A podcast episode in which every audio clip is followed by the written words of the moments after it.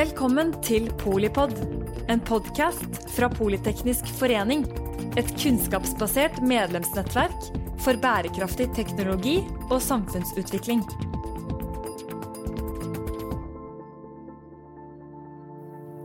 Hjertelig velkomne til alle lyttere av eh, denne episoden av eh, Polipod om eh, karbonfangst og -lagring. Spesielt velkommen til gjestene i studio og i Bergen. I dag har vi med oss styremedlemmene i Den norske bransjeforeningen for CO2-håndtering.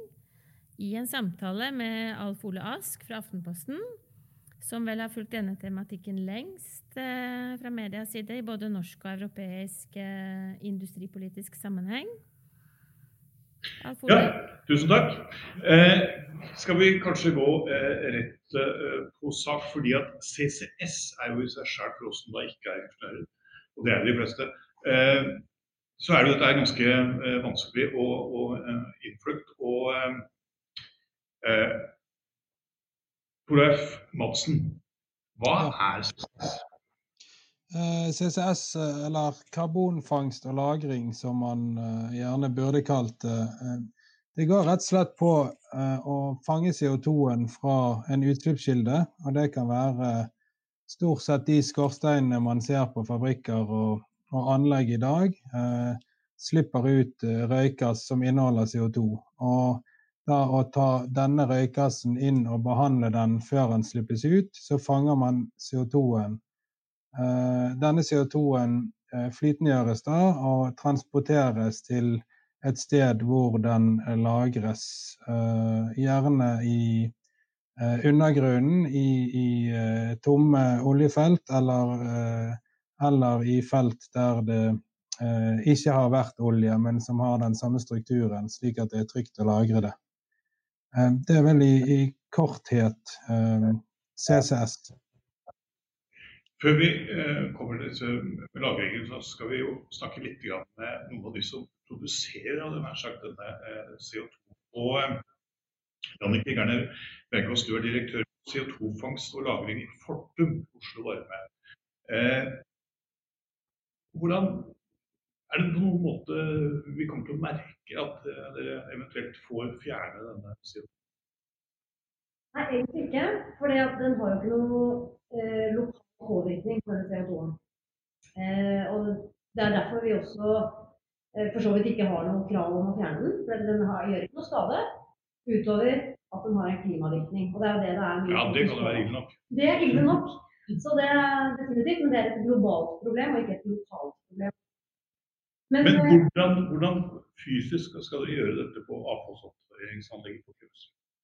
Eh, det er jo eh, forbrenning av søppel eller restavfall. Eh, og det vi planlegger å gjøre da, er å bygge et, eh, et anlegg til som kobles på, sånn at røyken fra avfallsforbrenningen går til dette nye anlegget. Og der eh, tar vi da ut CO2 fra røyken før den slippes ut i, i friluft. Og så tar vi hånd om denne CO2-en, vi transporterer den og sender den av gårde på skip. Og så blir den da permanent lagret nede 3000 meter under havbunnen ute i Nordsjøen. Men eh, dette er jo ikke bare noe man skal bruke til eh, avfallshåndteringsanlegg. Uh, sementfabrikken til til med Per Brevik, hvordan skal dere rense CO2? Nei, altså vi kommer jo til å ta det ut av eh, røykassen. På samme måte som eh, Jannicke har for sitt eh, anlegg oppe på, på, på Klemetsrud. Men altså, vi har to kilder. Vi har fra en prosessbit som går på at kalkstein spaltes. Og så har vi fra det brenselet vi bruker til å varme opp eh, kalksteinsmelet. Så det blir på den samme måten. Skal, du tar det ut av røykassen, du vasker, du kondisjonerer den, flytengjør, og deretter så går den på Deretter så går den på skip til Vestlandet, før den da blir deponert ut i Nordsjøen. Så det er en, eh, den muligheten vi har til å vise sammen at dette er en kjede som kan være veldig viktig for industrien. Det er langvarige prosjekter vi har jobba sammen lenge her for å klare å vise at dette er en mulighet. Det koster penger, ja, men eh, Samtidig så tror jeg kanskje det er den største muligheten en del av industribedriftene har. Men dette her har vi jo snakka om eh, lenge. så Vi kan jo gå tilbake. Altså, en ting er at man har deponert CO2 på Sleipner-feltet i nesten tre tiår. Eh, og eh, Man diskuterte dette her rundt da man eh, hadde de første diskusjonene om gasskraftanlegg i Norge. og Man skulle bruke Granefeltet i Nordsjøen bl.a. for å, å, bruke CO2 til å presse ut olje når man har hatt mange sånne store planer. Hvorfor i all verden har det ikke blitt noe av før? Ja, er det meg du spør om det? Ja. Nei, altså, Én ting er jo at det er kostnadene.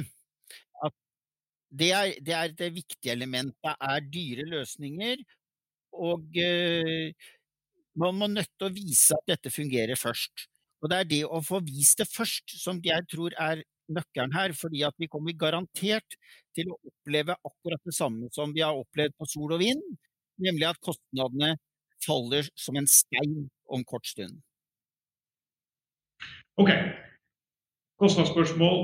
Det er teknisk mulig å gjøre det. Men eh, så er det da alle disse skeptikerne som sier at eh, ok, nå skal du lage dette her nede i bakken, men eh, blir det der? Er det fare for lekkasjer? Skapes bare et problem eh, nedover i gata som eh, våre barn og barnebarn eh, må, må, arve. Og Anne Strøm Lykke, vil det ligge trygt der nede? Ja, det tror vi. Eh, at det vil ligge trygt der nede. Vi utvikler teknologi for å overvåke lagring. Og det er egentlig gjenbruk av kjent teknologi eh, for å se hvordan jorden rører på seg. Og det er jo ikke noe tvil om at når man injiserer noe i bakken, så sprekker bergarten opp, og det blir plass til det nye. Og da er det viktig å vite hvor mye det sprekker opp, sånn at man kan avpasse farten etter forholdene. Og da mener vi at vi har teknologi som kan trygge det lageret på en veldig grei måte. Men dette ligger jo, disse lagrene ligger jo bl.a. i områder som er utsatt for jordskjelv. Ja, og det, og det, er egentlig ganske spennende, da, sett fra et faglig synspunkt. Fordi at det er mulig å se forskjellen på menneskeskapte jordskjelv og naturlige jordskjelv. Sånn at uh, det er også en måte da å, å, å, bidra til at injeksjonstrykk og farten på injeksjonen holdes på et nivå som gjør at det ikke blir farlig. Og de naturlige jordskjelvene sitter dypere i bakken, men det er klart at de, de, er jo spennende å se hvordan det går. Hittil så har jo dette området vært ganske behersket. Men hvis vi skal nå uh, klimamålene, så er jo CCS en av de mulige uh, løsningene. Men eh, skal betale for dette eh, siste eh, slutt, eh, Jannicke? Er det dere i Fortum, eller er det jeg som eh, innbygger i Oslo som får den regningen til slutt? Det er, en, det er ikke innbyggerne i Oslo i den forstand. Det er en kombinasjon. Eh, det er jo sånn at eh, for alle for selskaper som driver business i dag, så er det ikke penger å tjene på å etablere CO2-fangst. Så Derfor så er det også vanskelig uh, å, uh, å, forvente at, at, industrien selv skal, skal, gjøre dette. Så Der vi står i dag, så er vi avhengig av uh, at staten eller andre eksterne aktører går inn og medfinansierer. Så det er PIN-koden på Den hadde vært kjekk å ha. så vi, disse første tidlige prosjektene i, i utviklingen, så, er, så, så, trenger vi også ekstern finansiering. For vår del er det jo staten som er inne og bidrar. Men vi som industri eh, satser også mye på dette prosjektet. Jo, men En av grunnene til at man ikke har fått kommet i gang, er vel bl.a. at dere ikke har fått de statlige kronene ønsket? Det stemmer. For det er altså sånn at eh, det lønner seg ikke. Det er ikke noen forretningsmodell i dag med å fange CO2. Det koster ingenting å slippe det ut. Så eh, skal vi få en virkelige endringer fremover, så er vi jo avhengig av at eh, det må koste penger å slippe ut eh, CO2, eh, klimagasser. Eh, og vi må ha den utviklingen innenfor teknologien som gjør at det blir billigere å fjerne CO2. Torleif? Eh, ja, jeg, jeg, tenkte jeg skulle litt tilbake igjen til dette med, med betalingen. For det som er, er, viktig å ha i mente her, det er at uh, kostnaden for CO2-utslipp uh, har alltid vært der. Men det er bare nå i den senere tid at man er blitt mer obs på dette. Så fra den industrielle revolusjonen startet, så har man optimalisert med tanke på økonomisk fart, arbeidsplasser, eh, levestandard osv. Og, og så har man da ikke vært i paritet med det som er miljømessig bærekraftig. Eh, så i praksis eh, så er det jo da bare at man må tillegge prisen på, på varer slik at, at, naturen også får sitt.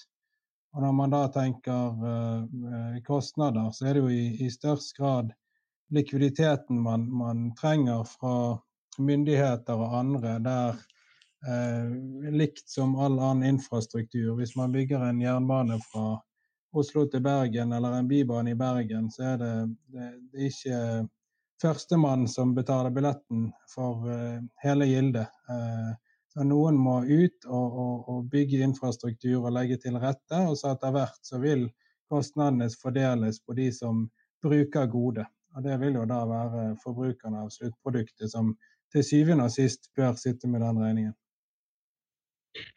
Men eh, hvis CCS er så viktig for å løse klimautfordringene, og hvis dette kan skape et nytt marked, burde ikke da industrien selv eh, være den som tok disse investeringene, hvis dette var et uh, helt mulighet for å skape et helt nytt marked? Per Ideelt sett så kan du godt si det, men det er langt opp og fram Eh, for å få til dette markedet. Men den inntektskilden som vi i tilfelle vil ha, det er jo det at vi eh, sparer CO2-kvotene som vi får dels tildelt, dels som vi kjøper.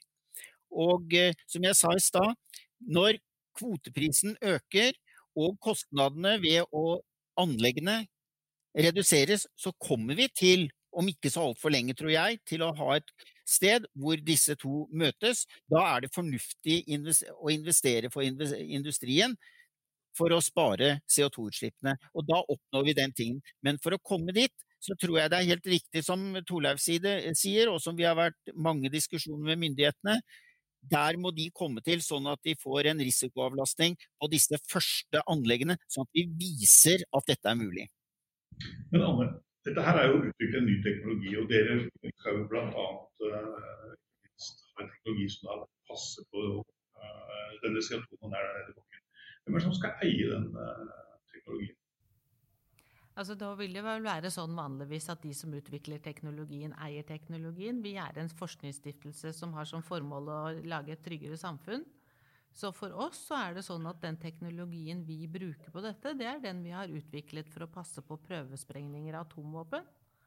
Og som vi også bruker for å hjelpe det nederlandske gruvetilsynet for å passe på Groningen-feltets innsynkninger. Så dette blir en sånn litt generisk eh, teknologi som man kan bruke i veldig mange sammenhenger. Og er et veldig godt eksempel, syns jeg, på at uh, allerede nå så har på en måte karbonfangst- og lagringsaktiviteten i Norge bidratt til eksportmuligheter for norske bedrifter. Men eh, hvis staten skal betale for dette, skal staten også da innta eiersiden hvis utover det de allerede er i noen av de bedriftene som, som uh, er engasjert i dette? Altså, jeg tror ikke det er nødvendig for å få det til å gå. Jeg tror som de andre rundt bordet at eh, en investering for å få opp en demonstrasjonsverdikjede er et, et, bra offentlig tiltak for å skape, legge grunnlag for ny verdiskapning. Og så tror jeg at det er mange måter å få dette til å gå på. Vi ser jo hvor responsive folk og industri er på insentivstrukturer. Så det er jo ikke bare karbonpris, men kanskje krav til offentlige anskaffelser at man faktisk kjøper sement med lavere CO2. Man har lyst til å tildele avfallshåndtering til bedrifter som faktisk tar vare på utslippene sine. Eh, jeg tror jo at det også er en måte å bevare arbeidsplasser i Europa på, og det blir jo viktigere og viktigere. Men er dette her noe Norge kan uh, gjøre alene? Dette må uh, altså, Det hjelper jo ikke om, om man renser CO2 i Norge, det er jo en, ikke engang en dråpe i havet da bli et europeisk prosjekt hvis det virkelig skal monne i dag. Ja, Det er også tanken bak. Eh, den norske stat ønsker å etablere en, eh, en sånn verdikjede, men som da er åpen, sånn at andre utslippspunkter over hele Europa kan knytte seg til og levere sin CO2-lagre. Vil jo være, Her har vi muligheter for den norske stat til å bygge opp en ny grønn industri for fremtiden som kan ta utviklingen og ikke minst kompetansen fra oljesektoren videre. Og, og virkelig eh, gjøre en stor forskjell for Europas klimagasj. Må jeg spørre om det? Du sier du bruker oljeteknologien fra oljeindustrien videre. Kan du gi et enkelt og greit eksempel på det? Ja, det er klart. Altså, den kompetansen som oljesektoren, olje- og gassektoren har eh, i dag, både på, eh, leverandørsiden og eh, innkjøpssiden og i hele spekteret, og det teknologiske ikke minst, den vil jo være verdifull eh, fordi at CO2-en skal håndteres på samme måte som, som olje og gass. Det er bare omvendt. Og du Det er bruker ned ta den opp. Det er akkurat det. Vi pumper det egentlig tilbake til der det kommer fra. Det er jo snakk om at når vi forbrenner fossil energi, så slipper vi ut CO2 som ikke er en del av det naturlige kretsløpet, og som da kommer i tillegg til den CO2-en som holdt på å si hører hjemme i atmosfæren. Og Derfor blir det for mye, og den CO2-en må vi ta ut igjen. Og så må vi få den ned der den kommer fra, og der må den bli. Det er utfordringen, og det er det vi i Norge virkelig kan. Ja, jeg tenkte én en ting er på den direkte uh, si, koblingen til olje og, og brønner, og der er jeg helt enig med Jannicke. Men det er en annen viktig, et annet viktig parameter her eh, også. Det er humankapitalen og, og de teknologiske ferdighetene vi har i Norge gjennom eh, mange, mange tiår med utvikling av svært kompliserte prosjekter innen olje. Og vi, eh, jeg kommer selv fra teknologibedrift som utvikler CO2-fangstteknologi, og jeg tror jeg kan ta på meg bransjehatten og snakke for både Aker og andre når man sier at de ingeniørene vi har og de forskerne vi har i Norge, er ekstremt dyktige på prosessteknologi. Og dette er prosessteknologi. Eh, Det er, de er ekstremt dyktige på kjemi. Dette er kjemi. Og vi har eh, helt, helt i verdenstoppen prosjektledelse som går på å håndtere kompliserte, langsiktige prosjekter med utfordrende rammeverk på utfordrende lokasjoner, retrofitting der det er vanskelig å få plass til ting. Eh, Der har vi jobbet eh, offshore, som er kanskje de vanskeligste forholdene man får tak i.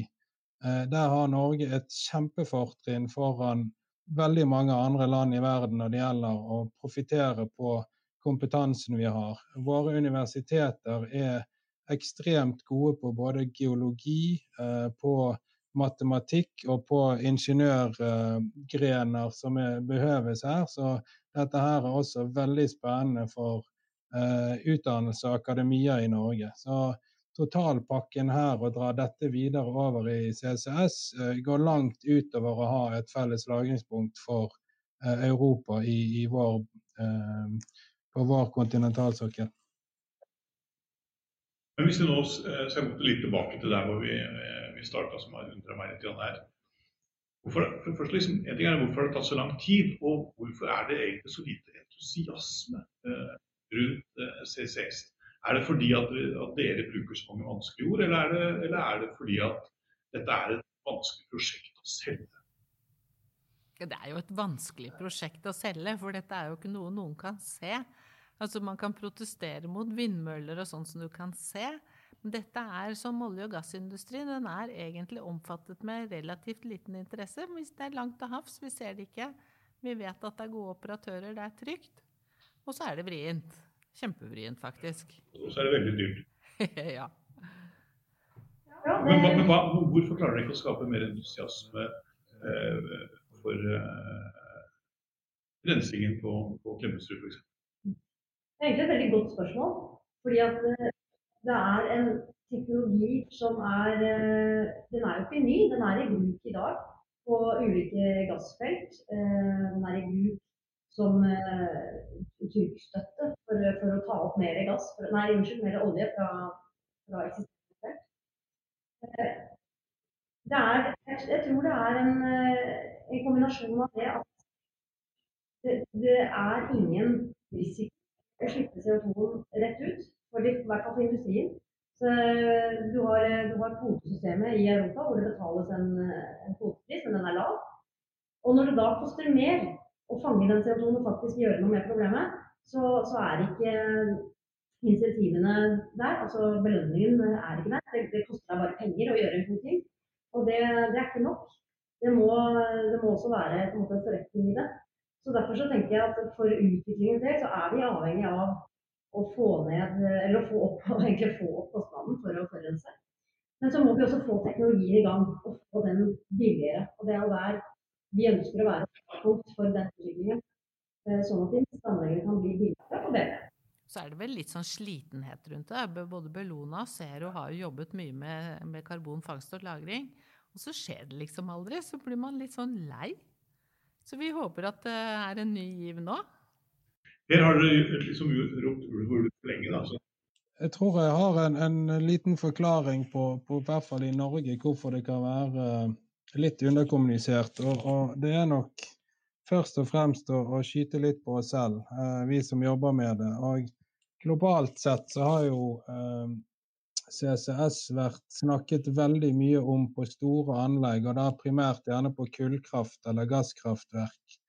Eh, store, eh, enorme investeringer og store anlegg. Eh, og når vi da i Norge har betydelig innslag av renewables allerede, så er på en måte argumentet for CCS eller karbonfangst og -lagring ofte målt opp mot fornybar energi. Mens det som hadde vært den riktige vinklingen å ta her, er at det er et tillegg.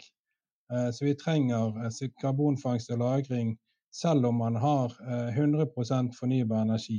Det er vel bortimot en tredjedel av CO2-utslippene kommer fra energiproduksjon, og resten er prosessutslipp som, eh, som de har på Norcem eller eh, Waste Energy-anlegg. Og, og, da blir på en måte innfallsvinkel og, gå i klinsj med, med, fornybar energi helt feil. Vi, vi heier på de eh, for alt det er verdt, og, vi trenger begge deler. Og, og det tror jeg nok kanskje kunne skapt mer jubel hvis man hadde vært tydeligere på det tidligere. Det er et, det er et veldig viktig poeng eh, det der med at du kom over at det er industrien som nå er inne på banen. Jeg tror det var, det var i seg sjøl et uh, vendepunkt, da det gikk vekk fra kullkraft, vekk fra offshore som sånn driver på dette, at det kom over på industri à la sement hos oss, eller, eller på, på Klemetsrud, på Waste to Energy. Jeg tror det er kan bidra til at det er litt entusiasme. Den er ikke sånn halleluja, men det, det, er veldig mange som er veldig interessert. Og dette tror jeg er en mulighet vi har til å få med oss annen industri. fordi at Norge i seg sjøl er såpass fokusert på olje at noen liksom Oi, nei, det er dere driver på deres måte, deres måte.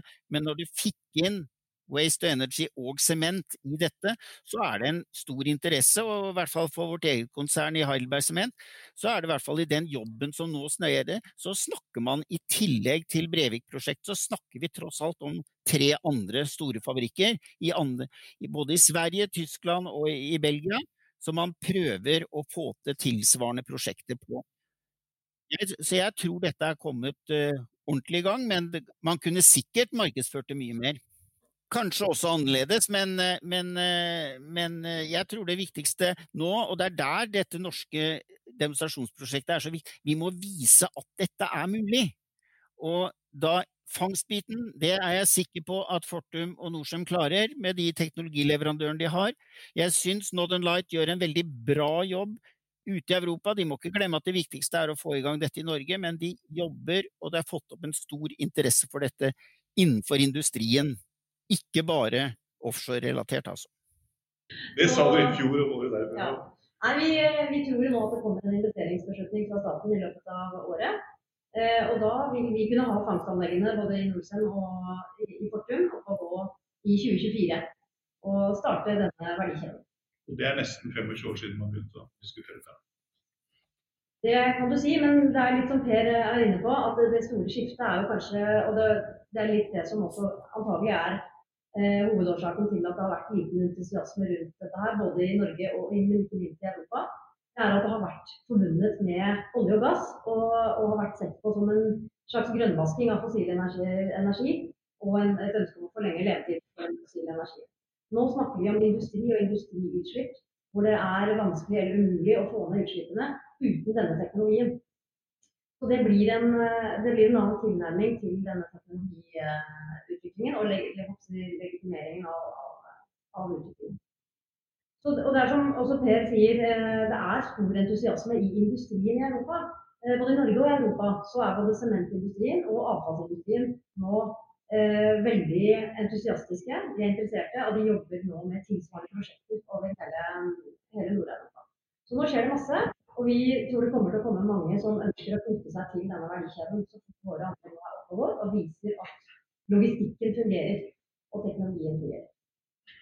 Så tror jeg vi kan, eh, tror vi også kan være flinkere til å snakke litt mer i påstander. Det er en stor overvekt av ingeniører i CCS ennå, og det gjør at man helst vil være sikker på det man sier, og selvfølgelig med de konsekvensene det får å, å, å si feil. Eh, men, men, det med å ha, ha briste litt frem når vi prater, og, og fortelle hva vi egentlig kan oppnå, Eh, der kan vi bli flinkere. Så det, det er nok en, en to, to, sider av samme sak, det. Men eh, da får vi håpe da, at eh, vi gjennom denne samtalen kanskje har dratt litt mer klarhet i det. Og så får vi jo se da, om eh, hvor lang tid det tar før anleggene står der. Jeg vet ikke hvor mange artikler jeg egentlig har skrevet om nå kommer CCS gjennom disse mer enn 20 årene, men det er, det er i hvert fall vært en god del. Så kanskje du bare Eh, når vi snakker om karbonfangst og -lagring, så snakker vi alltid om hvor dyrt det er. Mens eh, hvis vi sammenligner det med annen klimateknologi og andre klimatiltak, så er det ikke så dyrt. Det er sånn middels. Og det er fullt forsvarlig når man ser på eh, effekten av og med kostnaden på andre klimatiltak. Så er det, ikke, eh, det er ikke en forretningsmodell i seg selv. Det kommer til å komme, men det er et veldig effektivt og ikke spesielt dyrt klimatiltak. Og det bør vi være flinke til å få til. Hjertelig takk, Alf Olask. 25 år med artikler, nå også på radio. Eh, la oss ta det som 25 eh, år er jo ingenting hva gjelder teknologiutvikling eh, i en større sammenheng. Tusen takk til deltakerne som er fra styret i Den norske bransjeforeningen for CO2-håndtering. Anne Strømmen Lykke, som er administrerende direktør i NorSAR. Jannike Gerne Bjerkås, som er direktør for CO2-fangst og -lagring i Fortum Oslo Varme. Torleif Madsen, som er eh, CEO i Compact Carbon Capture. Og eh, Per Brevik, som er direktør for Alternative Fuels og prosjektet Heidelberg Sement eh, Norcem kjører på CO2-håndtering. Velkommen tilbake til neste episode av Polipod.